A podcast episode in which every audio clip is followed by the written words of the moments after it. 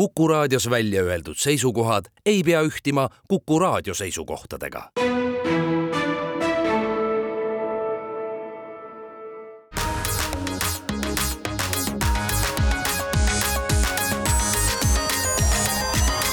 digitund.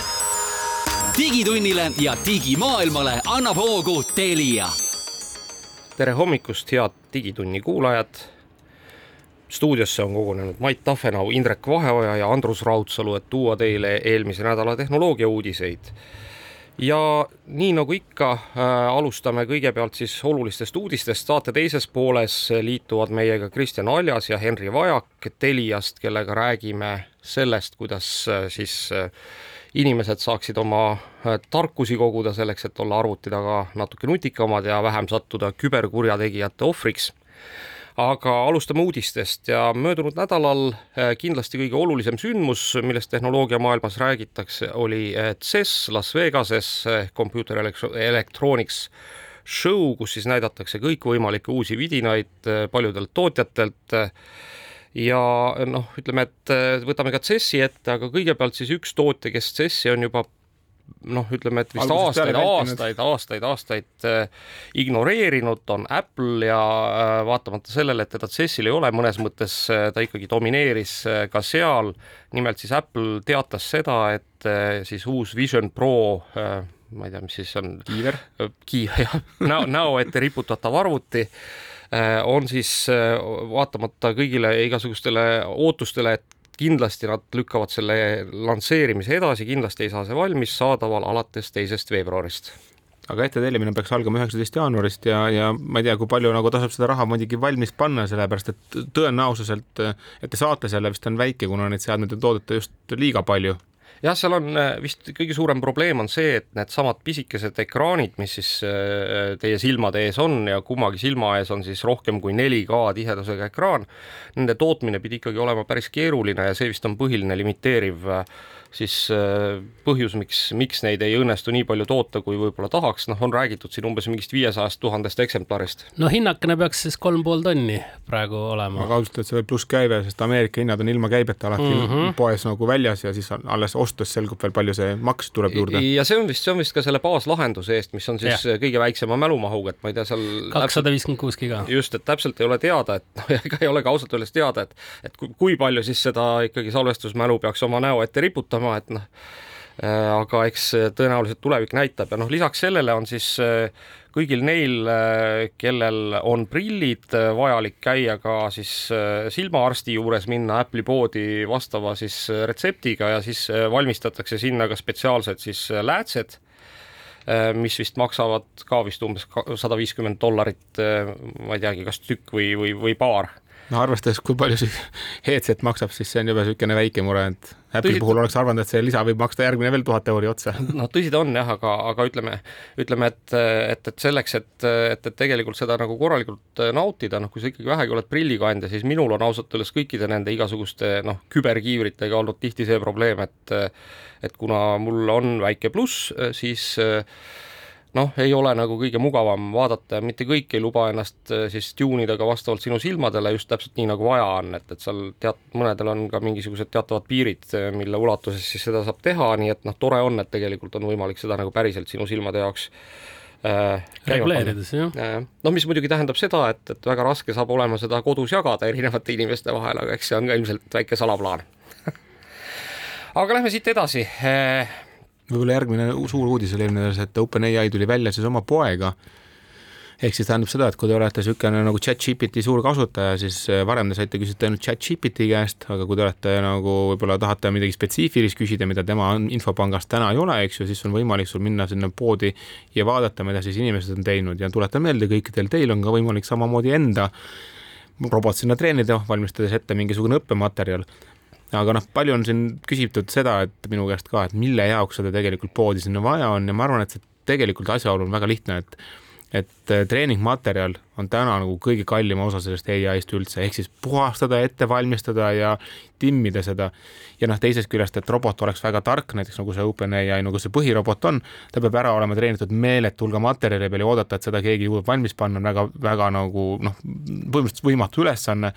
ikkagi tulevad riskid sisse, alles eelmine nädal oli uudis, kuidas ka kuskil robotil oli enda jätnud kogemata lapspornot, eks ju, sest keegi polnud seda sealt tähele pannud. Ja, ja nüüd on see asi, et iga inimene, kes on seda tööd teinud, tegelikult aitab OpenAI-l olla parem ja ägedam koht, nii et selles mõttes sa paned kõik need miljonid kasutajad enda eest tööle ja lubad jagada natukene ka siis tulu nende vahel, kelle tooteid nagu väga palju kasutatakse jaa, kusjuures, kusjuures. no mulle tundub, et see on niisugune kõige absurdsem asi, see võimalus, et me jagame sinuga tulu. no kui sa oled mingi New York Timesi tüüpi nagu ettevõte, kellel on väga palju treeningmaterjali ja sa treenid selle bot'i seal välja ja kelle bot võiks saada ka väga populaarseks mm -hmm. ja noh, tasulisi kasutajaid seal taga on, eks ju, siis ma arvan, et see tulu võib isegi täitsa nagu väärtuslik olla, et noh, selgelt nagu kui mina üksikisikuna lähen sinna mingisuguse väikse noh, mingi lihtsa asjaga, mille puhul mul ei ole seda treeningmaterjali nii palju ja väärtust ma nii palju ei loo, siis noh, raske on eeldada, et ma nüüd saan miljonäriks. jah, aga võib-olla sul on väga spetsiifiline sinu elutöö data seal kõik olemas, eks ole, mis mingitel ei lähe korda, see peab no, korda minema no, selles ongi probleem, eks. et selles mõttes siis tekib küsimus, et õige mul häda siis oma infot üles laadida. no kusjuures, kusjuures tegelikult nüüd vaata, eks see on nagu natuke tõukub ka kogu sellest äh, siis, mis on toimunud siin viimastel nädalatel, kus New York Times iseenesest on OpenAI kohtusse kaevanud selle eest, et OpenAI on siis ennast õpetanud Äh, või oma tehisintellekti õpetanud New York Timesi materjalide põhjal. Ja noh, nüüd on ka see äh, siis äh, lekkinud info selle kohta, et OpenAI aktiivselt üritab kokku leppida teiste meediafirmadega, noh, sealhulgas CNN-i, Fox Corpi, Time'i ja Bloombergiga selleks, et osta siis nii-öelda nende käest sedasama meediasisu, mille baasil oma tehisintellekti õpetada, nii et ega see on, see on nagu selles mõttes tõsine teema, aga, aga nüüd rääkides, rääkides sellest poest, siis Äh, noh, kokku ma ei ole lugenud, aga väidetavalt on seal kolm miljonit siis erinevat äh, chatbot'i, mida siis inimesed on treeninud ja üles pannud, nii et on ikkagi päris palju, ütleme see, noh, kui me nüüd mõtleme, et palju Apple'i App Store'is oli päeval üks tea, rakendusi, üks, üks rakendusi, siis ei olnud kindlasti kolme miljonit, nii et noh, see näitab seda, et noh, muidugi App Store'id on ka ennast tõestanud tänaseks. no sa pead panema eraldi eh, bot'i otsima siis seda endale vajaminevat asja, sest sa ise ei leia üles. ma arvan, et see, tegelikult see praegune rakenduste otsimise lähenemine ei ole neil veel päris lõplik, et tegelikult loogiline on selles, et sa lähed chat-GPT-ga rääkima küsid mingi asja kohta. ja ta ütleb, soovitab sulle jaa, siis? jaa, sest see on kõige loogilisem teekond mm, -hmm. sest noh, ei ole reaalne sul isegi neid kolme miljonit noh, nii palju sirvida, et sa, oo, ma võiks tegelikult nende Nike'ide ostude kohta minna küsima, no sa ei oska, noh, tule nüüd selle peale, eks ju, et aga keegi võib-olla teinud sinna mingi korraliku research'i ja pannud kogu oma materjali ülesse. Jaa, aga noh, lõppkokkuvõttes ega see siis kõik näitab seda, et, et tegelikult kui sa tahad ikkagi tõsist tehisintellekti noh, nii-öelda saada, mis on ka kasutamiskõlblik, siis tõenäoliselt seda ilma äh, kuidagi autoriõiguse alla kuuluvate materjalideta treenida ei saa, nii et noh, selles mõttes on OpenAI teinud, OpenAI teinud õige sammu äh,, et noh, eeldatavasti siis kõigil neil inimestel, kes sinna neid materjale üles panevad, on siis ka õigus seda tasule, eks. ja, ja, ja, ja nii-öelda ka seda materjali seal kasutada. aga lähme siit edasi äh,. möödunud nädalal äh, alustas siis äh, esimene ETF ehk, ehk siis fond, kus, mis äh, võimaldab siis Bitcoiniga kaubelda. Ja, ja noh, ütleme, võiks öelda, et väga edukalt, et peaaegu vist viie miljardi dollari väärtuses tehti tehinguid esimese päeva jooksul, et see kindlasti on nüüd üks noh, ma ütleks, esimene pääsuke sellest, mis näitab, et krüptotalv on ikkagi läbi saanud ja, ja, ja, ja krüpto äh,, krüptorahad tulevad tagasi, noh, kas täpselt sellisel kujul nagu vanasti, kindlasti mitte, et puhastumine on toimunud, aga aga tasub huviga jälgida, et, et mis siis teevad ka krüptovarade hinnad. ostsid ise ka? ei ostnud Indrek ka ei ostnud? ei ostnud ja ei seekord ega me kõike ei pea ostma, millest me siin saates räägime aga võiks, võiks. no kuule, meil tuleb järgmises lõigus kõvasti asju, mida me kindlasti ei osta CES-ist, kui me hakkame rääkima. nagu võib-olla siis võib-olla mõned uudised, mida me ikkagi ostaksime, et kohe-kohe tulemas on Wi-Fi seitse ja kes ei tea, mis on Wi-Fi seitsme põhipoint, siis Äh, kui meil oli Wi-Fi kuus ja viis, eks ju, siis nendega oli see, et ikkagi oli kaks eraldi sagedust, eks ju, kaks pool gigahertsi ja viis gigahertsi ja Wi-Fi kuus E-ga tuli ka kuus gigahertsi juurde, aga nad kõik olid natukene ikkagi nagu soolos ja Wi-Fi seitsme nagu peamine võti peaks olema selles, et teie seade oskab elada nendel kõikidel sagedustel samaaegselt, nii et ei ole enam niimoodi, et ma connect in ühte või teise, vaid noh, sinna, mis su seade toetab, need kõiki sagedusi kasutatakse ja seeläbi saavutatakse veelgi suuremad kindlused. et ma arvan isiklikult, et see on väga oluline äh, samm selle jaoks, et wifi oleks igas mõttes võimsam, et, et siiamaani muidu te võib-olla seda upgrade'i ei tundnudki. kõige nõmedam on see, et need kuued ja viie gigahertsi sagedused töötavad väga hästi, kui sa oled selle access point'i kõrval, aga nii kui sa lähed teise tuppa, siis need kiirused kukuvad väga kõvasti ja sellisel juhul kahe poole sissetoomine on äärmiselt põhjendatud just ja, ja noh, see kindlasti ravib äh, kõik seda probleemi, mis ikkagi väga paljudel inimestel on, et noh, et, et korteri igas nurgas wifi korralikult ei levi, et, et, et siis äh, õnnestub teil võib-olla paremini ühenduda. aga selle miinus on selles, et täna ühtegi seadet teil kodus veel ei ole, et osta, ostad selle access point'i ära, siis iPhone viimane viisteist kahjuks seda endiselt veel ei oska, et ma ei tea, miks Apple seda ei teinud, sagedused on ju olemas, aga äkki nad teevad tarkvarauuendusega seal ühel hetkel jah, aga seest, seest on iPhone viieteistkümnes treediraadio, mis võimaldab battery device idega suhelda, kui keegi täpselt ei tea, mida see treediraadio seal teeb, aga okei okay,, jätame selle. Äh, räägime veel mõned, mõned äh, Telegrami stiilis uudised, enne kui lähme reklaamipausile. Äh, tuli selline uudis, et täitsa üllatavalt Hertz USA-s müüb siis kolmandiku oma elektriautode pargist, neil oli umbes kuuskümmend tuhat elektriautot, kakskümmend tuhat müüakse maha siis peamiselt Tesla Mudel kolmed ja, ja Polestarid ja, ja asendatakse bensiiniautodega, kuna eh, siis väidetavalt vähemalt eh, autorentijad eh, ei tundnud nii suurt huvi elektriautode vastu, aga mis iseenesest tähendab muidugi seda, et, et turule tuleb kõvasti odavaid elektriautosid. no mõnes mõttes ka ju mõistetav, sest kui sa võtad rendiauto, on lihtne bensujaama sõita ja, ja paak täis lasta, eks ju, aga, aga kus sa laed? No aga noh, tegelikult on ju ikkagi USA-s on see Tesla laadijate võrk igal pool ja noh, muidugi. tegelikult, tegelikult, eks ju, aga noh, kui sa ise oled samas situatsioonis, siis on ikka häda käes. viskan ühe kiire uudise veel, et kõik Android teleri kasutajad või Android digiboksi kasutajad saavad rõõmustada, kui nad tahavad vaadata teinekord kõrvaklappidega telekat, et noh, minul ka siiamaani olid kodus eraldi kõrvaklapid teleri vaatamiseks, sest teinekord noh, tõesti teised magavad, aga ise tahaks mingi saate ära vaadata. ja Androidiga on kogu aeg see probleem olnud, et sa ei saa mugavalt oma, nagu Apple'i seadmetel, äh, samad klapid sujuvalt klõps arvuti küljest, klõps telefoni küljest, sa pead kogu aeg mingite seadete kaudu möllama, aga Androidil tuleb ka lõpuks välja FastPair, äh, mis siis peaks võimaldama kiiresti need kõrvaklapid, mis Bluetoothiga ühendatakse, äh, teleril üle anda. et äkki lõpuks saate ka siis teie seeläbi klappidega vaikselt telekat vaadata. ja kusjuures mitte ainult ei tule välja see, vaid ma saan aru, et ka Google ja äh, Samsung töötavad äh, koos siis selle kallal, et Androidi tekiks äh, üks ühine korralik faili jagamise platvorm, jah? just, ehk, ehk, ehk see, mis siis nagu Apple'i kasutajatel juba ammu-ammu on olemas Androidi kõige hullem oligi see, et need oli olemas, aga need oli erinevaid ka veel ja see tekitas eriti veel segadust, et mis sinul on ja kuidas me nüüd jagame, et ikkagi ühine standard ja see, et Samsung ka panustab sinna väga,, väga-väga äge ja siis äh, üks oluline, ma arvan, äh, kiiruudis oli ka selle kohta, et möödunud nädalal siis saadeti esimesed tekstisõnumid äh, üle siis Starlinki noh, kuidas ma siis ütlen, kosmoses viibivate mobiilimastide äh, mobiilimastide jah, mis on, Starlink teatavasti lasi siis üles esimesed satelliidid, millel on siis ka mobiiltelefoni side või noh, mobiilside võimekus ja Ameerikas siis T-Mobile'i võrgus need sidevõimalused ka toimivad. Äh, ja viimane uudis on sellest, et äh, kui me rääkisime seda, et äh, Google tabab ära Chrome'is siis cookid või küpsised, siis nüüdsest on siis tulnud välja ka info, et kõikvõimalikud interneti reklaamifirmad Chrome'i kasutajaid hindavad umbes kolmkümmend protsenti odavamaks kui teiste brauserite kasutajaid ja selle rõõmsa uudisega lähme siit reklaamipausile.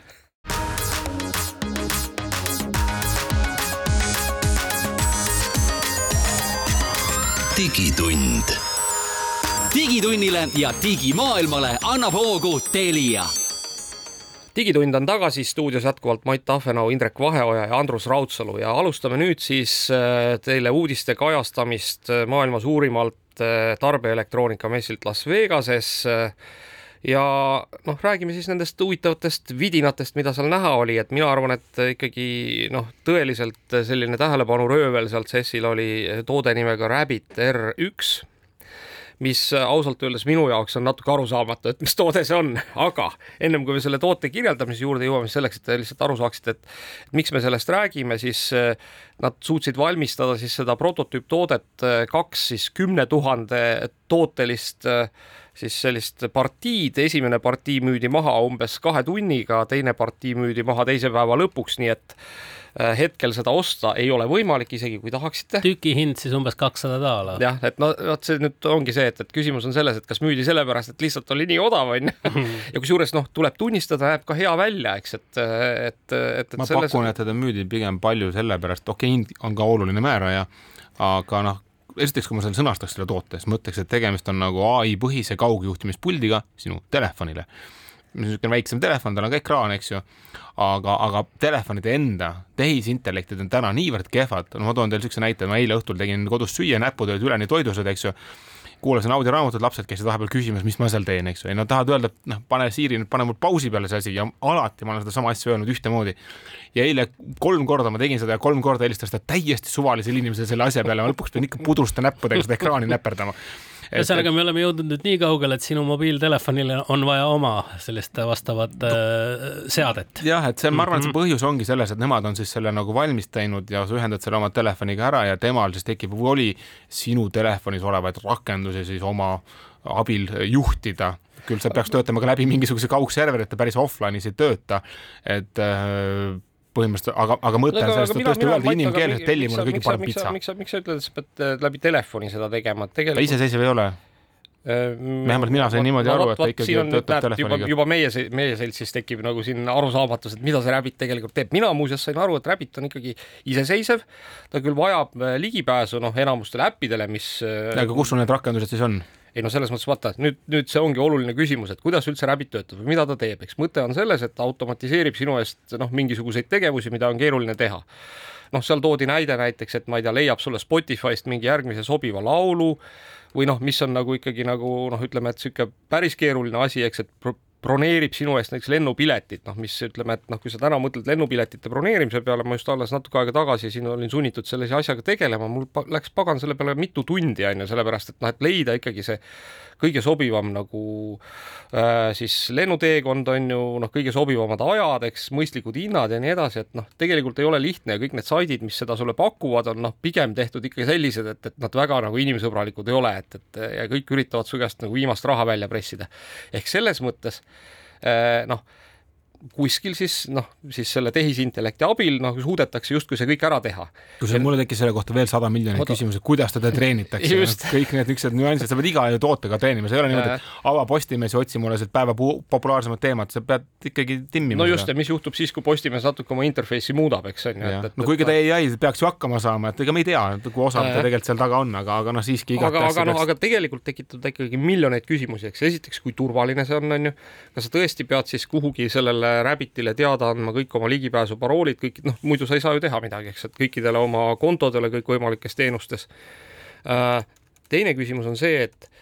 et noh, väidetavalt vähemalt see Rabbit ise ei tee midagi eriti, noh, ta on selline proksi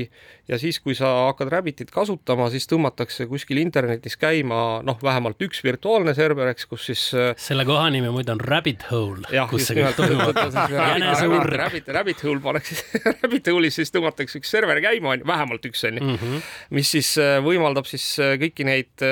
noh, suhteliselt palju ikkagi, ma arvan, protsessori jõudlust vajavaid asju teha ja noh, ütleme, et äh, kui me nüüd mõtleme selle peale, et see Rabbit maksab kakssada dollarit ja tal ei ole mingisugust kuumaksu, siis see tundub minu arust kas A skämm mm, -hmm.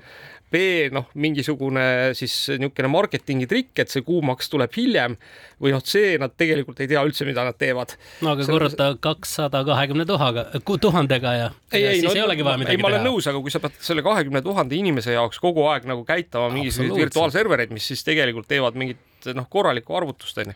siis eh, ma arvan, et eh, selle kahe,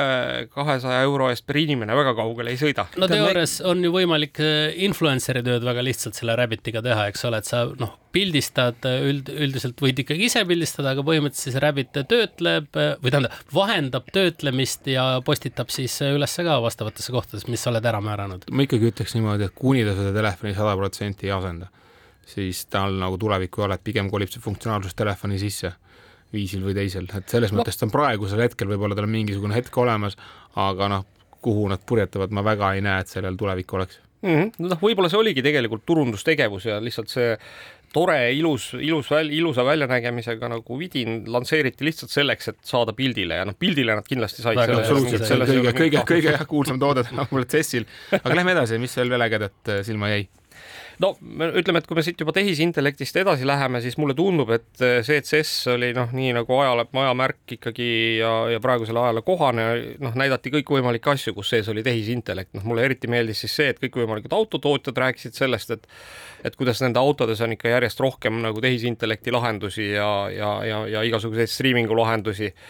ja kuidas siis nende auto äh, juturobotid siis on varustatud tehisintellektiga, auto suudab teiega suhelda ja nii edasi, et noh, et, et ausalt öeldes see oli nagu päris naljakas minu jaoks ma, ma ei ole kindel, et ma tahan, et, et lisaks minu telefonile hakkab minuga suhtlema veel ka minu auto ja minu pesumasin. mulle natukene tundub, et see on niisugune asi, et kui sul, kui sa, kui sa paned oma tootele, ei pane peale silti ai, siis sa lihtsalt oled nõme ja sinu toode ei ole enam kuidagi turule kõlbulik, et see on selline nagu üldine nagu tunnetus sellest asjast, et kas see pointi on see nagu teine asi. eks me järgmine, järgmine CES näeme tõenäoliselt ka ai haamrit ja ai kruvikeerajat no, absoluutselt, kööre tugevamini ja tuleb soovitusi aga üks asi, mis oli lahe minu arust, on need läbipaistvad ekraanid ja sellest on varem ka nagu juttu olnud, see pole nagu nüüd erakordne, aga aga selles mõttes nagu nendel on mingi point tekkinud, et noh, tihti, kui sul on mingisugune ruum, kus sul see teler on näiteks keset tuba, et ta ei ole nagu sul mingis seinas et sul on võimalik panna sinna sellel ajal, kui sa ei vaata, ta siis läbipaistvaks ja näete sinna peale mingisuguseid siis noh, animatsioone, mis siis lihtsalt on kaunistuseks toale, mitte lihtsalt ei ole sihuke mõne nõme must truut keset tuba, mis mind isiklikult on alati häirinud. miks see teler peab võtma nii suure, kas siis seina või põranda pinna, ilma et sellel ajal, kui sa ei vaata ja kui sa kogu aeg ei vaata, lihtsalt nojah, aga, aga miks, see aitab üldse küll lahendada minu arust probleemi, mida väga ei ole olemas, et näita mulle üks koht, kus on teler keset tuba no niisuguseid asetusi tegelikult ikkagi tänapäeval on, eriti peale seda, kui need uued kort-, korteriarendused on sellised, kus on ka köök keset tuba, eks ju, et, et selles mõttes nagu noh, seal tekib olukord, kus võib-olla varjadki selle teleriga seda köögivaadet, eks ju, ja paned diivani sinna teise seina. no iseenesest, iseenesest ma vaatasin ka neid, need on nagu väljanägemiselt väga ilusad, ma nagu mingisugust väga suurt praktilist lahendust või, või kasutust neile nagu ta on väga äge, see, see on nagu lahe, lahe panna, ma kujutan ette, no stiilis, kui tuled siia meie Postimehe majja uksest sisse, eks ole, valvelaud, vot, vot seal kuskil. kalad ujuvad, eks ju. valve, valvelaua peal, eks, valvelaua tädid paistavad ja, läbi televiisori. paistavad läbi ja kui nad ei taha, et no sa teda näeks, panevad mingi siukse. panevad kalaraha mängima. ja ongi korras, eks ju. no ma ütleks niimoodi, et eks sealt CES-il on ka tihti selline nagu teema, et kõik need asjad, millest me räägime, natuke nagu selle moeshow, eks ju, et, et me näeme küll laval inimesi, kellel on seljas nagu mingi kolme meetri raadiuses hõljuvad asjad, noh, millega ilmselgelt tänaval ei lähe, aga noh, tore on telekast vaadata. kuule, aga, aga rääkides nüüd sellest noh, kõikvõima-, noh, ma ei tea, siis ütleme ekraanist keset tuba on ju, siis mulle palju rohkem meeldis. teine noh, ütleme, et ma ütleks ka suhteliselt nagu noh, kergelt jabur toode on ju, on siis Samsungi Balli, mis on siis selline kodurobot, mis veereb sulle igale poole järgi ja siis äh, noh, ta, ta oli vist eelmine aasta ka olemas, eelmine aasta oli natuke niisugune kehvem versioon, nüüd selle aasta versioon on siis varustatud ka projektooriga, mis siis äh, noh, see robot jälgib, et mida sa siis teed ja noh, võimaldab sul siis noh, ma ei tea, et, et hakkad näiteks trenni tegema, siis projitseerib sulle kuskile seina peale mingeid harjutusi või või noh, ütleme, et see on ka suurepärane võimalus, kuidas oma koduseid terroriseerida, kes on siis mingid kokkulepitud asjad tegemata jätnud ja siis see robot käib kogu aeg järel ja, ja näitab sulle sealt siis pildi pealt seda, et, et noh, vaja vaja on prügi välja viia või lambid ära vahetada või midagi sellist. kuule, aga mina ütleks, et ma nägin seal kolme praktilist asja ka et üks asi oli Güro kätestabilisaatorid, on Güro Geari nimeline toode ja nendel inimestel on küll tõsine nagu kätevärina mingisugune probleem, noh, või on see konkreetselt Parkinson või muu põhjus, eks ju, sellele. ja siis on sul niisugused kaks güroskoopi käe küljes, mis siis tegelikult tekitavad oma raskusega niisuguse stabiilsuse, et su käed lihtsalt noh, nende värin ei ole nii, vaata point on selles, et käed värisevad nagu mingi jõuga, eks ju, ja tema güroskoobiga teeb palju tugevama jõuga oma energiat niimoodi, et su kätevärin lihtsalt seeläbi stabiliseeritakse ära ja sul on võimalik, noh, seal oli ka näide, kuidas siis inimene suutis päriselt mängida seda jenga torni oma värisevate kätega, eks, et see, see on minu arust nagu niisugune praktilise väärtusega asi. teine asi oli Widdingsil on uus niisugune tervise mõõdutööriist Beam O, kellega on võimalik lisaks temperatuuri mõõtmisele mõõta ka näiteks oma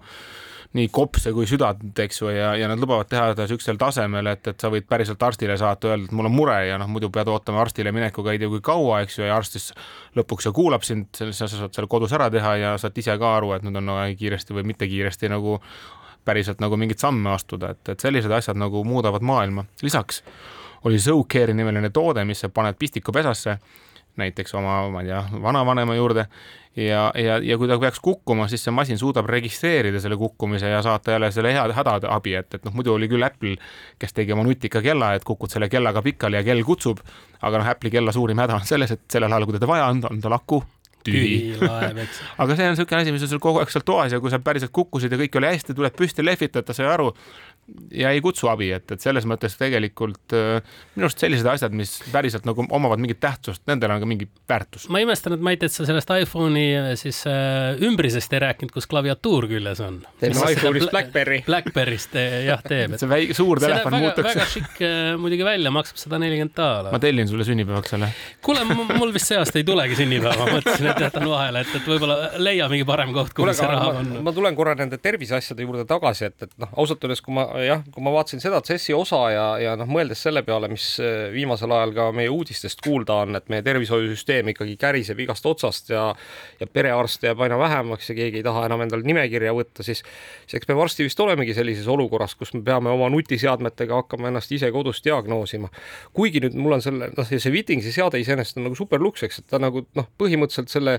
traditsioonilise noh, ütleme, et esmase arsti check-up'i suudab sulle ära teha, eks, et noh, kuulab kopse, kuulab südant, on ju, täpselt see, mida arstitädi teeb, eks, on ju, mõõdab, temperatuuri. isegi tegi EKG-d ja mingeid niisuguseid asju, et noh, päris. aga noh, aga, aga noh, mis on, mis on nagu noh, kus, mis mind teeb ettevaatlikuks, see, et möödunud aastal ma mäletan, et Withings näitas nagu sellist asja, et pissid potti ja siis tehakse kohe uriinianalüüs on ju. kas see ei olnud Withingsi oma, see oli kellegi teise oma, aga no, oli, oli, oli, oli Withingsi oma. ja, ja aga, aga noh, seda siiamaani tegelikult ikkagi müügil ei ole, on ju et noh, et, et ma kardan, et, et tegelikult kõik need nagu päris noh, tõsised nagu siuksed ikkagi meditsiinidevice'id, mis nagu noh, ütleme, et peavad andma ka enam-vähem nagu tõeseid andmeid välja, et, et neid nagu päris niimoodi plits-plats kokku ei pane nagu järgmist arvutimängu, et, et, et, et selle tõttu noh, vaatame, et kas me see aasta ikkagi näeme seda B-mode, mis sind korralikult üle mõõdab. aga lähme siitkohalt reklaamipausile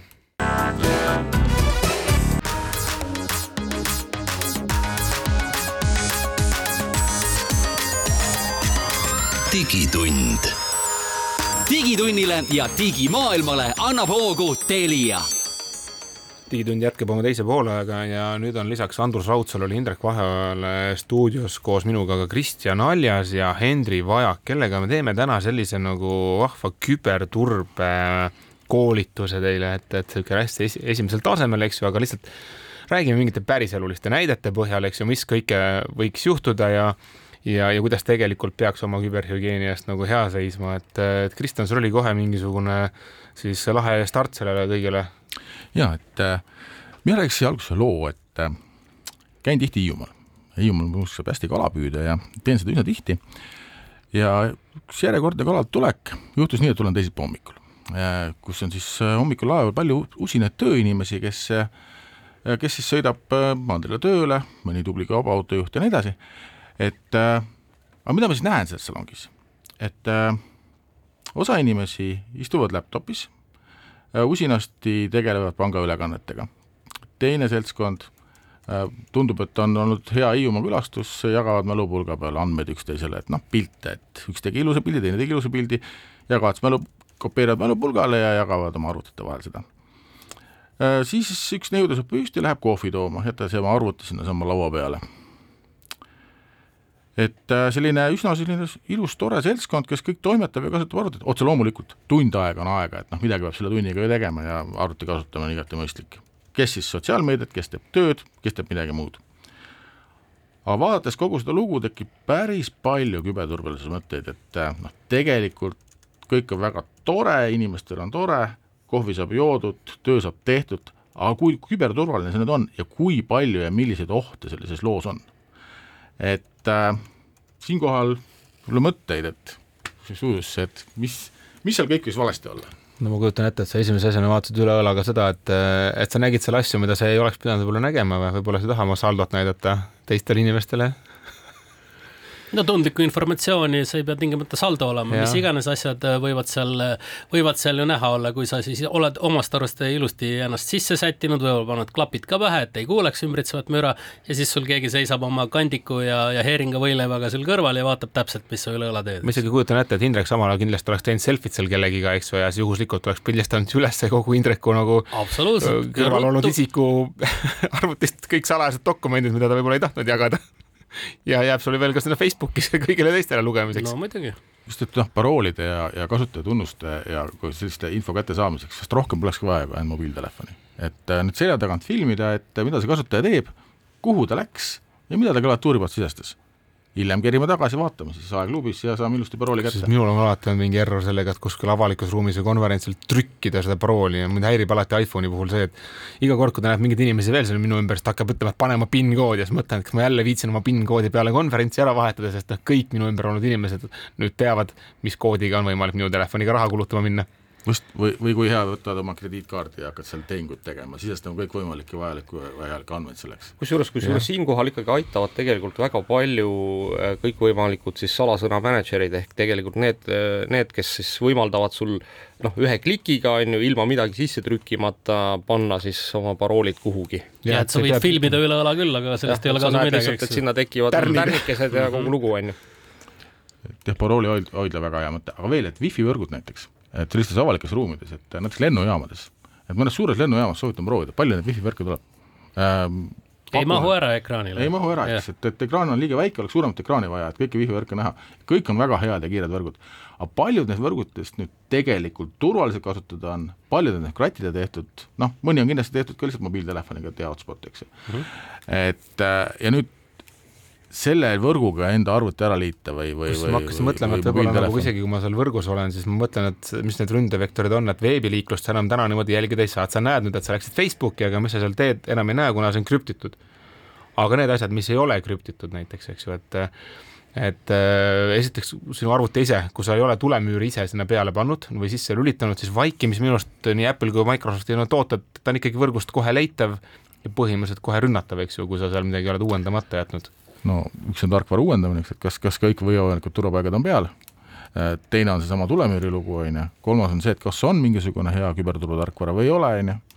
ja neljas osa on see, et seesama ka liikluse jälgimine, et juba teades, ainuüksi teades, kuhu sa lähed ja saab pärast järelduse teha, et Kristjan käib niisuguseid asju, me saame hakata mõtlema, et need on need kohad, mille kaudu saab potentsiaalselt teda skämmida. no see on nagu samal ajal kasutad mõnda pangateenust mm, -hmm. siis mhm. võib-olla kasutaks mina ka samal ajal, äkki saadaks sulle neid erinevaid kasutajatunnuseid, kui ma saaks juba telefoniga näiteks kätte filmides. jah, ma märkan jah, et sa kasutasid ja siis ma teen sulle selle lihtsalt selle samamoodi nagu selle mobiil-ID küsimuse, eks ju, ja märkamatult sa ei pane tähelegi, et noh, sa olid ju pangas ja noh, telefon käsib, pane. no mis sa teed, hea inimene, yes sir, panen et äh, noh, niisugune VPN-i kasutamine võib-olla oleks siis, siis see, mis natukene päästaks, on ju. ja noh, samas võib-olla püüda vähemalt mõelda, et milline võrk see turvaline on. aga jah, samas mingis suures lennuväljas selle kahesaja võrgu vahelt leida turvalist on keeruline. muidugi, Euroopa Liidus ka mobiilsed teenused, et võib-olla ei olegi vaja seda vihvõrku, et piisab nelikümmend, viiskümmend, mis seal lennus on tavaliselt hea juba. aga mis me siis teha ikkagi saaksime, et, et ma nüüd olen seal laeva peal ma hakkasin mõtlema esimese asjana, vist oleks mõistlik tegelikult kaks varianti, et kas leida endale koht, mis on seljaga nagu seina poole või siis on olemas need turvakiled, eks ju, ekraanidele, et ei oleks võimalik külje pealt näha, mis ma teen. ma arvan, et esimene on see, et seda olukorda peaks nagu teadvustama endale, et, et, et noh, mis on need tegevused, mida ma olen valmis avalikkuse ees tegema? just, et võib-olla ei ole valmis äh, oma meditsiiniandmete ja pangaandmete ja kõige nendega kuskil toimetama, nii et kogu laevades inimesi vaatab neid. aga samas mõnda head filmi vaadata, no las siis vaatavad et... ma mõtlesin selle peale, et vaata, see arvuti avamisega on see risk, et ma võin isegi teadvustada, et ma olen avalikus ruumis, aga juhtub sama asi, nagu juhtus nendel Covidi ajal Riigikogu liikmetel, kes sattusid kogemata veebikaamera ees tegema midagi, mida nad muidu ei oleks teinud, aga sa olid arvuti taga, sa unustad ära, et ma olen selles avalikus ruumis ja sa ikka teed oma need tavapärased toimingud, need tulevad sul selja ajust, klõps, lähen vaatan korraks emaili ka. Ja isegi kui läksid filmi vaatama, vaatasid korraks emaili, unustasid ennast ja juba samal ajal võis olla mingi salajane informatsioon lekkinud su üle õla, eks ju. just et selles mõttes see teadvustamine on kindlasti väga oluline. ja siia ma tooksin juurde mälupulga, et see mälupulgaga andmete jagamine, et äh, noh, mina näiteks need mälupulgad ma ei tea, põletaks ära, et need on on ikka, on juba, on lepiks auto arvutid pordid kinni lepiks kokku, et neid enam ei tooda. et, et, et noh, kümme aastat tagasi oli neil kindlasti oma koht. praeguseks noh, mis on mälupulga mõistlik kasutus? ta on ebaturvaline, selle, see võib ära kaduda, need andmed võivad sattuda kolmandate isikute kätte, ta võib iga suval sel hetkel katki minna, milleks mälupulk? Äh, jätan kõrvale mingid väga spetsiifilised seadmete uuendamisega tegelevad insenerid, kellel seda võib-olla tõesti on tarvis, selleks, et see on ainuke võimalus seda seadmet tarkvara uuendada. aga tavakasutajal, mina ei ole mälupulka kasutanud, ma ei tea no Hendrik, kuidas sul on, sul on mälupulk taskus? pigem mitte, et väga-väga äh, harva kasutan, kui üldse, et, et eks tuleb ametiga kaasa, et pigem ei näpi neid, kui ei ole just enda oma aga võib-olla siin mainiks just juurde ka ära, et kui ekstreemsustesse minna, et siis äh, näiteks äh, kui keegi käib, äh, jätab oma arvuti laua peale lahti ja käib äh, kohvipausil, et äh, keegi äkki võtab selle arvuti kaasa ja ütleme, et kui ketas ei ole krüpteeritud, et siis on põhimõtteliselt ligipääs olemas tundlikule infole ja isegi kui see parool ei ole peal, eks ju, ma saan võtta kõik sessioonid, mis sul lahti on, sa ei logi ju Facebookist pärast välja või võib-olla jäi ka pank lahti kuskile taustale, et noh, küll ta läheb ise mingil hetkel välja, mis ma siin jah, jah, just, et äh, ja noh, kui sul ütleme, et oma andmeid ei ole varundatud ka, et siis äh, enam neid asju arvatavasti ei näegi, et äh, ka kindlasti suur, suur ohu, ohu. kusjuures mina ütlen peamiselt, mina olen ka näinud arvuti mahajätmisi ilma paroolita, sest kontoris oled harjunud, et noh, kes mul siin tuppa ikka tuleb ja ka juba kontoris tegelikult see ründevektor on päris suur ja avalikus ruumis no veel eriti. jah, et niisugune tavatööt-, noh, tavainimene võib-olla ei pane nii palju rõhku sellele või ei oska nagu teadvustada endale, et siis äh, kindlasti nagu äh, tuleks mõelda selle peale, et äh, ei tohiks lahti jätta oma asju. jah, siin on, siin on minu arust, see on nagu üks küberhügieeni osa, et tehke endale selgeks, mis on see klahvi kombinatsioon, mis paneb teil kas screensaveri käima või arvuti lukku ja noh, see ei ole väga keeruline, eks, et noh, minul on näiteks Macil tehtud ka niimoodi, et kuna on võimalik eh, siis neid ekraanis, ekraani nurkadesse eh, siis salvestada mingisuguseid tegevusi, et siis kui ma tõmban oma hiire ekraani vasakule alla nurka, siis läheb kõik lukku, nii et automaatselt. ma võin soovitada, et kui te olete Windowsi kasutaja, siis Windowsi klaviatuuri peal on see Windowsi lipumärk, eks ju, vajutate selle lipumärgi all, hoiate all ja vajutate korraks L-tähte ja juba arvuti on lukus. Ja kui te olete Apple'i kasutaja, siis on Control ja Command nupud hoiate all ja vajutate korraks Q tähte ja klõpsti arvuti on ühe hetkega lukus, et ei ole mitte mingisugust äh, keerulist selles, et pean, pean minema hiirega kuskilt sobrama. just, tuleb sisse harjutada, et kui juba harjumus on, siis käib ikka väga kiirelt. et äh, kindlasti väärt, väärt nõuanne. aga see võrkude koha pealt, Kristjan, mis sa teeksid, internetti on ikka ju vaja no kui me räägime nüüd Hiiumaa laevast, et äh, noh, seal ma arvan, et väga hea on kasutada mobiilset andmesidet, et need operaat-, meil on kolm tublit operaatorit, et kindlasti kellelgi nendest võrkusest seal kasutades saab omale hea interneti, mis on kindlasti turvalisem kui wifi. nii et tee oma telefoniga hotspot või pane arvutisse SIM-kaart. jah, et äh, kui on tihti reisimist, soovitan SIM-kaart arvutisse. kusjuures minul on olnud väga paljudes seadmetes SIM-kaardid ja mul vist on täna ka mobiilioperaatori just neli SIM-kaarti endal ja see andmeside on kõigil vahel jagatud, et ma ei maksa nagu nelja ühenduse eest eraldi, ma olen ostnud ühe paketi ja siis mul on niisugune nagu multipakett, kus kõik seadmed saavad ühe korraga sama internetti ja mul on ka kaks telefoni, mis tirisevad ühel ajal, kui keegi helistab. et minu arust see on päris praktiline trikk ausalt öeldes omal kuidagi võrgumured ära lahendada, et jah, et, et mobiilse andmesidega noh, kui see on äh, nii-öelda paketis, pea, ei pea neid bitte-batte mõõtma siis ta tegelikult asendab Wi-Fit sellisena, et ta isegi ei märka enam, et mingi noh, sa ei tegele mingi Wi-Fi võrgu temaatikaga, et sa lihtsalt äh, oled võrgus ja nii ongi. ja siis sa ei pea ka muretsema selle pärast, et keegi teine on teinud nüüd sulle mingisuguse krativõrgu, mille kaudu on jube hea sind rünnata, on ju. et äh, ehk siis Eestis soovitaks kindlasti mobiilset andmesidet, seda ka tegelikult Euroopa Liidus, äh, nüüd, kui kuskil väljaspool Euroopa Liitu võib olla see mobiilse andmeside väga kallis, sellisel juhul väga mõelda, et millise seadmega ma üldse sinna võrku tahan minna, sest võib arvestada, et need hotellivõrgud, need lennujaamavõrgud võivad olla küll hotelli poolt väga hästi projekteeritud ja mõeldud selleks, et nad on kasutajad, hotellikülastajatele, aga tegelikult on keegi teine sinna näpud vahele saanud ja mingi, midagi lisaks sinna seadistanud. saab ka fake ida, eks ju, seda wifi võrku, eks ju. kusjuures, kusjuures mina ikkagi nende hotellide nagu väga suurde nagu oskusesse neid võrke projekteerida ei usu, et ausalt öeldes vaadates, kui kehvasti nad kõikides hotellides enamasti töötama kipuvad, et noh, siis noh, mulle tundub vähemalt, et see kogu see haldustarkvara, mis seal peal jookseb, on noh, umbes aastast üheksakümmend kuus on ju, või ma ei kujuta ette, mis aastast. ma arvan, et see on pigem see, et me tegime ära ja unustasime, lähme edasi, eks ju. aga lähme siitkohalt reklaamipausile ja tuleme peagi tagasi.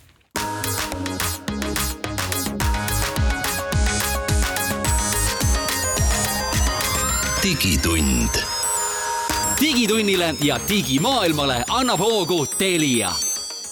digitund jätkab oma viimase veerandiga ja stuudios on Andrus Raudsalu, Indrek Vahoja Mait Tahvenu ja meil on külas Kristjan Aljas ja Henri Vajak, kellega me räägime küberturbest. ja Henri, sa lubasid teha meile väikses kokkuvõtte täna nagu küberstatistikast üldse või küberturvalisuse statistikat, et mis meil siin turul täna paistab? Äh, jaa, just, et just mainisime nagu neid ohuolukorda, ohuolukordasid, mis võib juhtuda, on ju, et äh, siin eelmisel aasta lõpus tehtud uuringu kohaselt võib äh, ka vaadata, et noh, et viimase aasta jooksul on siis kaardistatud erinevaid ohuolukordasid ettevõtete juures ja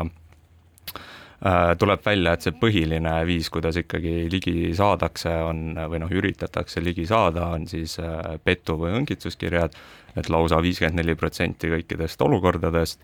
ja noh, näiteks kui me siin mingi võrdlusmomendi toome, et, et viirused, et vanasti üritati viirustega hästi palju paha teha, aga nüüd on see viie protsendi peale kukkunud. Et siin aastate jooksul saab vaadata, et need petu- ja õngitsuskirjad on endiselt hästi äh, suure osakaaluga ja ma ei näe, et see tulevikus hakkab alla tulema. ja samuti ähm,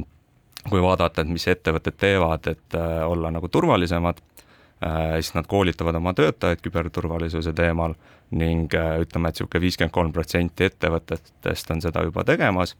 kümnel protsendil on plaanis seda teha, et siit võib-olla saabki kohe välja tuua, et, et ei tasu võib-olla sellest rongist maha jääda, et äh, kindlasti üks kiht on nagu oma töötajad, et tuleb selle peale ka rõhku panna ja neile selgeks teha, mis äh, parasjagu levimas on, et et kindlasti äh, tuleks jah, mõelda selle peale. No minu arust on päris julgustav, et tegelikult nii palju inimesed ikkagi on seda teadvustanud ja no ma arvan, et tegelikult on ka mõnes mõttes on natuke naljakas öelda, aga võib-olla peab tänama natukene ka krüptoviiruse tüüpe, sellepärast et äh, nemad on selle teema kuidagi nii päevakorda toonud, eks ju, ja tänu sellele võib-olla jäävad meil mõned tuleviku palju keerulisemad, tõsisemad juhtumid tulemata. kuigi kurb on ikkagi see, et eks paljud on ka sisse saanud ja, ja midagi teha pole, sellest on saanud meie elu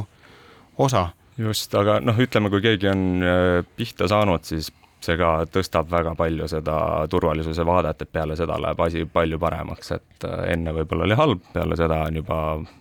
fookus on suurem ja ja vähemalt niisugused lihtsad asjad, eks ju, et noh, selge on see minu arust, et ei tasu kellelgi arvata, et ma olen tihti kohanud viimasel ajal küsimust, et et noh, kui küberturvalised te siis olete ja palju te siis teete ja noh, nii edasi, eks ju, et et noh, kuidas sa vastad, et kas te olete küberturvalised, noh, noh, ei saa olla lõpuni ju, noh, ei ole olemas niisugust varianti, et me oleme päriselt kõik ära kaitsnud, sest seal on see piir alati, et noh, kõige turvalisem on see, kui sul teenust ei oleks. aga vähemalt, et need elementaarsed asjad, näiteks nagu noh, uuenda ära äh,, rakenda mingid teatud asjad, noh mm., see peaks igal tasemel tehtud olema, kuigi ma väga hästi saan aru, et noh, suures organisatsioonis neid komponente, millest su äri koosneb, on nii palju, et sa võib-olla isegi tead, nad on olemas ja kui sa küsimustikule hakkad vastama, sa saad aru tegelikult, et sellele ei saagi vastata, sellepärast et noh, tegelikult me ei tea, kui paljudes kohtades seda üldse võib, teemat võib laua peale tulla aga noh, kuidas nüüd neid inimesi koolitada, et, et äh, noh, kas ka eelnev näide, mis see laeva näide oli, kas statistika toetab seda, et äh, et noh, kuidagi tuleb need teadmised inimestele viia. et noh, kuidas seda teha? hästi klassikaline moodus, et äh, ajame inimesed ühte klassi kokku äh,, räägime neile, et mis on küberturvaline. noh, selle miinuseks on see, et kõik need inimesed peavad leidma selle aja, et täpselt sealsamas saalis samal ajal olla ja ka ettevõtete jaoks kipub olema probleemiks see, et, et noh, nüüd see on ajaline kulu ühtepidi, on ju, teistpidi, et mingisugune, see võib tekitada mingi töökatkestuse, aga kui on suur kollektiiv, siis äh, ega sellist head koolitust üle nelja-viiekümnele inimesele korraga ei tee. see, kus ka inimesi kaasatakse, et, et noh, kui me räägime, et ettevõttes on viissada töötajat, siis see tähendab kümme korda koolitada, et päris palju ajakulu. selle ajaga, kui kõik on ära koolitatud, on teisest otsast juba rebenemist nii palju, eks ju, et see juba äri jääb tegemata just, ja teine on see, et, et teed kord aastas koolitusse, noh, palju sealt meelde jääb, eks ju, natuke jääb meelde, aga poole aasta pärast on sellest natukesest väga vähe saanud ja aasta pärast juba päris vähe, on ju. et, et need teadmised kipuvad ununema ja ka vananema. no teine võimalus on see, et äh, ka hästi, hästi palju kasutatud, et teeme sellise toreda veebikeskkonna ja ütleme inimestele, et minge palun sinna keskkonda, vaadake natukene videoklippe, vaadake natuke, lugege, mis me sinna kirjutanud oleme, tehke paar testi, noh, kulutage tund aega ja siis selle tunni aja tulemusena te olete siis saanud niisuguse sutsaka küberturvalisust ja me saame teile anda ka sellise paberi, öelda, et te olete selle läbinud. noh, nii mõnelegi audiitorile see paber ka väga meeldib, et, et mõni ettevõte teeb sellepärast, et seda paberit on tarvis. see on siis niisugune teine võimalus. plussiks on see nüüd, et need inimesed ei pea samal ajal ühes kohas olema. Nad võivad äh, teha seda koolitust äh, arvuti taga, noh, sel ajal, kui neile sobib. lisaks noh, kui tuleb uus töötaja, siis ta saab seda teha sõltumata sellest, et teised on juba ära teinud, ta saab nüüd, nüüd teha selle koolituse. kolmandaks saab väga hea sellise paberi, et saab öelda, et noh, kokku lugeda mul viissada töötajat, nelisada üheksakümmend on koolituse läbinud, väga hea protsent, on ju. miinuseks jällegi see, et tihti tehakse ühe korra seda koolitust. ühe korra tehakse ära, unustatakse, täpselt sama lugu, et aasta pärast on suht-koht ununenud kõik. ja noh, siis on veel vahepealseid variante, et noh, teeme natuke, natuke klassikoolitust ja siis teeme sinna natukene juurde veel sellist äh, veebikoolitust. aga nüüd siis, siis võib-olla veel üks kõige uuem ja ägedam võimalus on teha seda mikrokoolitustena siit ma annaks sõna Hendrile, et, et miks rääkida mis see mikrokoolitus on? just, et see mikrokoolituste formaat võib-olla on niisugune hea mm, kesktee kõikide eelnevate koolituste vahel, et ta on üldjuhul nagu niisugune hästi noh, väikeste ampsudena tehtav koolitus, et ei võta palju aega, töötaja jaoks väga mugav, saab teha seda netis, ei pea kusagile minema, äh, ükskõik mis seadmes, et äh, ja noh, samuti seda infot antakse väikeste tükkidena, mis see maht on siis, mikro, mis tähendab, kas kolm päeva, kaks tundi, viis Äh, minutit? no üldjuhul on ta ikkagi niisugune noh, teemadega, erinevad teemad on ju, et kõik noh, küberturbe teemad on enamasti kaetud, et mingid paroolid, lingid, pahavarad, lunavarad ja nii edasi, aga lihtsalt noh, viis minutit umbes võtab aega, klikid läbi,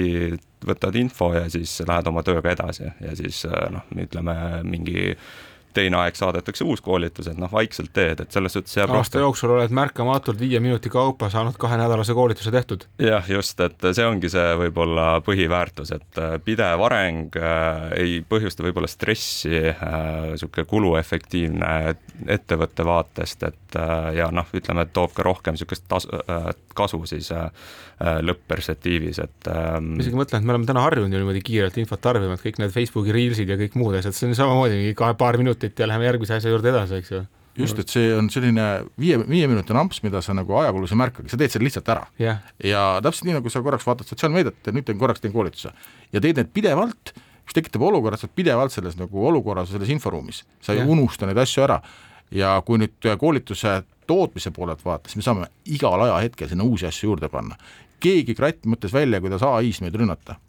homme me saame selle juba koolitusse sisse panna. ei pea ootama järgmist aastat, eks ju. just, ei pea, et millal me jälle selle koolitaja sinna tahvli ette saame, vaid tegelikult me saame selle üsna kiiresti juba inimesteni viia aga kuidas see aja mm, siis vahemik paika pannakse, et kas selleks on mingid juba ette, et noh, on iganädalaselt on viis mintsa või siis on, kui on mingid intsidendid vastavalt või on, ma ei tea, mingi eh, erilised rünnakud, mille peale on vaja tähelepanu pöörata, kuidas seda tehakse? üldjuhul koolitus saadetakse välja nagu korra kuus, on ju, aga seda intervalli on vastavalt siis äh, võimalik muuta, et noh, ettevõtted on erinevad, nad tahavad infot saada erineva kiirusega, et see kõik on muudetav, et äh, aga jah, need teemad on siis äh, ajas nagu uuendatakse pidevalt, et see info on ajakohane, et ei ole mingit vanat infot. ja ütleme, et noh, väga lahe asi, mis nende koolituste teemadega veel see on, et on võimalik teha erinevates keeltes, et meil siin lähinaabruskond, naaberriigid on kaetud, aga kui noh, ütleme mingi tütarettevõte on kusagil Saksamaal, siis on võimalik ka saksa keel ka juurde lisada, et niisugune hästi personaalne, ütleme nii jah, see, see konkreetne kool, mikrokoolituskeskkond, mida nüüd Telia pakub, et seal on meil keelte valik hästi suur ja noh, tõepoolest, et äh, kellel on soovi, võib ka jaapani keeles koolituse teha, et äh, ja. kui on juhtumisi ühel tublil startupil tulemas endal kontor Jaapanisse, siis äh, me saame saame hakkama. kohe hakkama. suuremad riigid on kaetud jah, et, et ei ole muret selle kohta aga ma võib-olla jah, nii palju lisan juurde ka, et, et ei ole ainult koolitused, et on võimalik ka õngitsuskirju saata, et niisugune äh, noh, ütleme praktiline pool on ka olemas ja on võimalik hästi personaalseks seda teha, et, et vastavalt ettevõttele on enda soovid, on ju, kasutavad erinevaid tehnoloogiaid, et kui kõik noh, tehnoloogiad kirja panna, mis arvutid, domeenid, tarkvarad kasutusel on, siis on võimalik teha see õngitsuskiri hästi personaalseks, et tekib töötajal selline tunne, et okei okay,, see nüüd tundub aktuaalne teema olevat, et käib minu ettevõtte kohta ja siis selle tõttu ta eksib rohkem ja mida rohkem ta eksib, seda rohkem ta teadmisi saab. et ongi mõeldud selliselt äh, hästi nagu äh, mugavalt personaliseeritud õngitsuskirjaks. siis ma eelmine nädal just kuulsin mingist väga huvitavast õngitsuskirja juhtumist, mis juhtus ühes Eesti ettevõttes, et saadetigi hinnapäring, eks ju, et tahame osta, mis maksab, eks ju, seal kaasas oli mingisugune materjal ja kui selle materjaliga tutvuti, siis selle käigus nagu tõmmati üle kõik need Microsofti sessioonid ja järgmisel hetkel logiti sisse kuskilt Indiast ja skänniti läbi kogu selle inimese siis OneDrive, mille sees on tegelikult ligipääs siis kõigu ettevõtte asjadele, eks ju, potentsiaalselt, noh, oleneb, millise inimesega on tegemist ja, ja noh, õnneks see rünnak tabati nagu enam-vähem minutitega, kuna keegi logis sisse kuskilt teisest riigist ja lihtsalt alert tuli. Aga noh, see näitab seda, kui lihtsalt tegelikult on võimalik õngitseda nagu täitsa legaalsel viisil, sest sa ajad legaalset äri ülis, ülesannet ja sa ei tajugi, et tegemist on õngitsusega. noh, õngitsuskirjade puhul, et äh, tagasiside meil klientidelt, et äh, ühes, ühes foorumis oli juttu, et noh, et mis siis nagu inimestel kõige, miks nad või mida nad kõige rohkem nende kõneluskirjade puhul kardavad või nende õnniskirjade puhul, siis tuli välja see, et kui nad esialgu kardavad seda, et noh, ettevõte saab mingi kahju, et kui enne koolitust, et noh, ettevõttel tekib mingi kahju, on ju, et okei okay,, küll ettevõte tegeleb sellega, aga kui nüüd seda koolituskeskkonda kasutada, koolituskeskkond saadab ise välja neid teavituskirju, siis inimestel tekib see mure, et aga äkki see ettevõte näeb, et ma klikkisin sinna ja äkki kolleegid näevad, et tegelikult ma nüüd jälgin palju põhjalikumalt neid õngetuskirju, et tekib sellest ettevõtte probleemist selline personaalne probleem. probleem on ikka see, et sa ei tunne neid kirju enam ära, et noh, see on see muidugi raskem pool, aga on oluline nendest asjadest rääkida, aga kiire küsimus veel, et kui ma tahan nüüd seda mikrokoolitust saada, siis kus ma selle leian? et äh, Telial on äh, hea lahendus pakkuda, suudame hästi kiiresti tarnida, hinnad on hästi sellised sõbralikud ja hästi paindlikud, et äh, kontakteeru Teliaga ja, ja, ja küsi. aga väga lahe, kuule, aga suured tänud teile ja oleme sunnitud nüüd täna selle teatega selle saate kokku tõmbama ja kohtume kuulajatega jälle nädala pärast.